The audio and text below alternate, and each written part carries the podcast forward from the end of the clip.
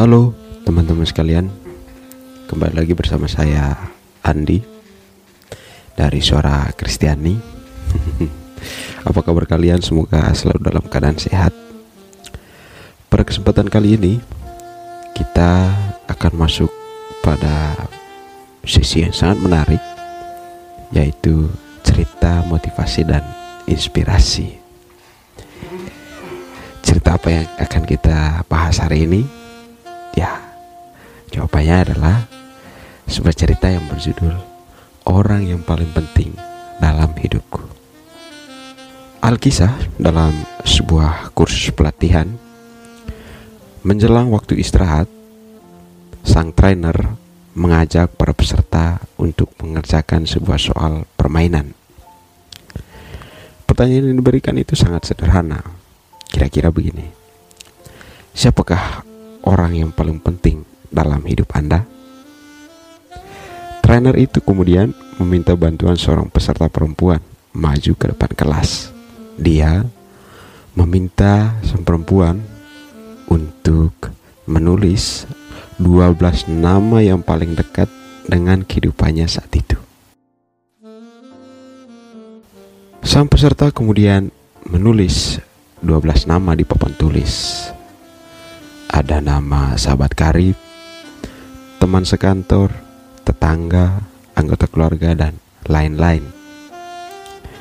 Selanjutnya, sang trainer kemudian mempersilahkan peserta itu untuk memilih dari daftar nama yang telah dibuatnya satu nama yang dianggapnya paling tidak penting dengan cara mencoret nama itu.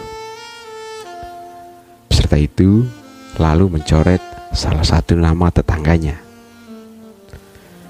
Kemudian sang trainer meminta peserta itu untuk mencoret satu nama lagi yang dianggapnya tidak penting dari daftar yang sama.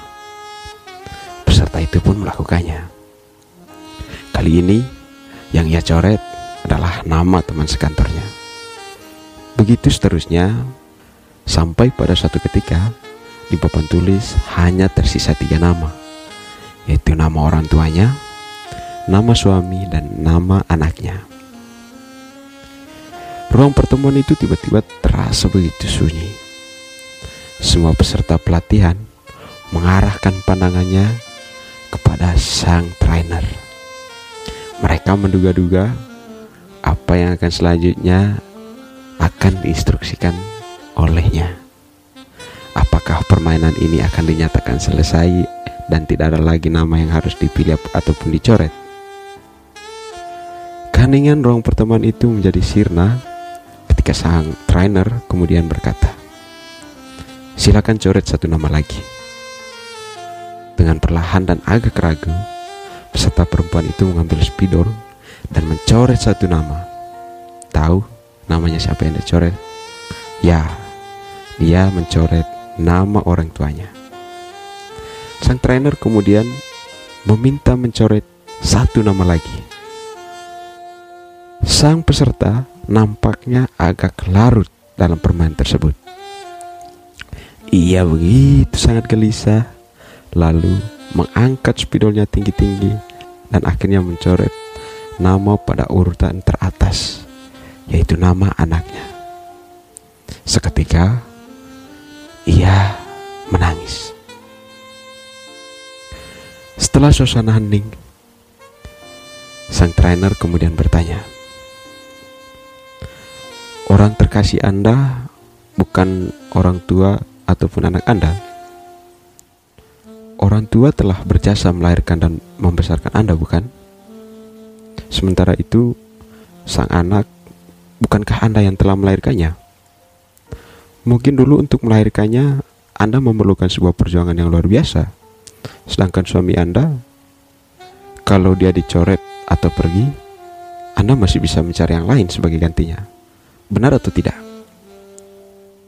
Jika demikian, mengapa Anda memilih suami sebagai orang yang paling penting dan sulit dipisahkan? Semua mata dalam ruangan pertemuan itu tertuju pada peserta perempuan itu. Ia masih bergeming di depan kelas. Mereka menunggu Kira-kira apa yang hendak dikatakannya? Setelah hening cukup lama, sang peserta kemudian menjawab dengan nada yang gemetar karena dihadapkan pada situasi-situasi sulit seperti itu. Dia menjawabnya begini: "Waktu akan berlalu, orang tua akan pergi meninggalkan saya. Begitu juga anak saya. Jika ia telah dewasa dan menikah, ia akan meninggalkan saya juga." Yang bisa diharapkan untuk menemani saya dalam hidup ini hanyalah suami saya. Seketika keheningan dalam ruangan itu kemudian berubah menjadi tepuk tangan yang sangat riuh karena mereka menyadari bahwa sang perempuan telah mempertimbangkan cukup matang dan telah menjawab apa yang menjadi kegelisahan mereka selama ini dalam kehidupan mereka. Teman-teman sekalian, dari cerita ini kita belajar bahwa kehidupan itu bagaikan bawang bombay. Ketika dikupas lapis demi lapis, ia pasti akan habis. Dan ada kalanya kita dibuatnya menangis.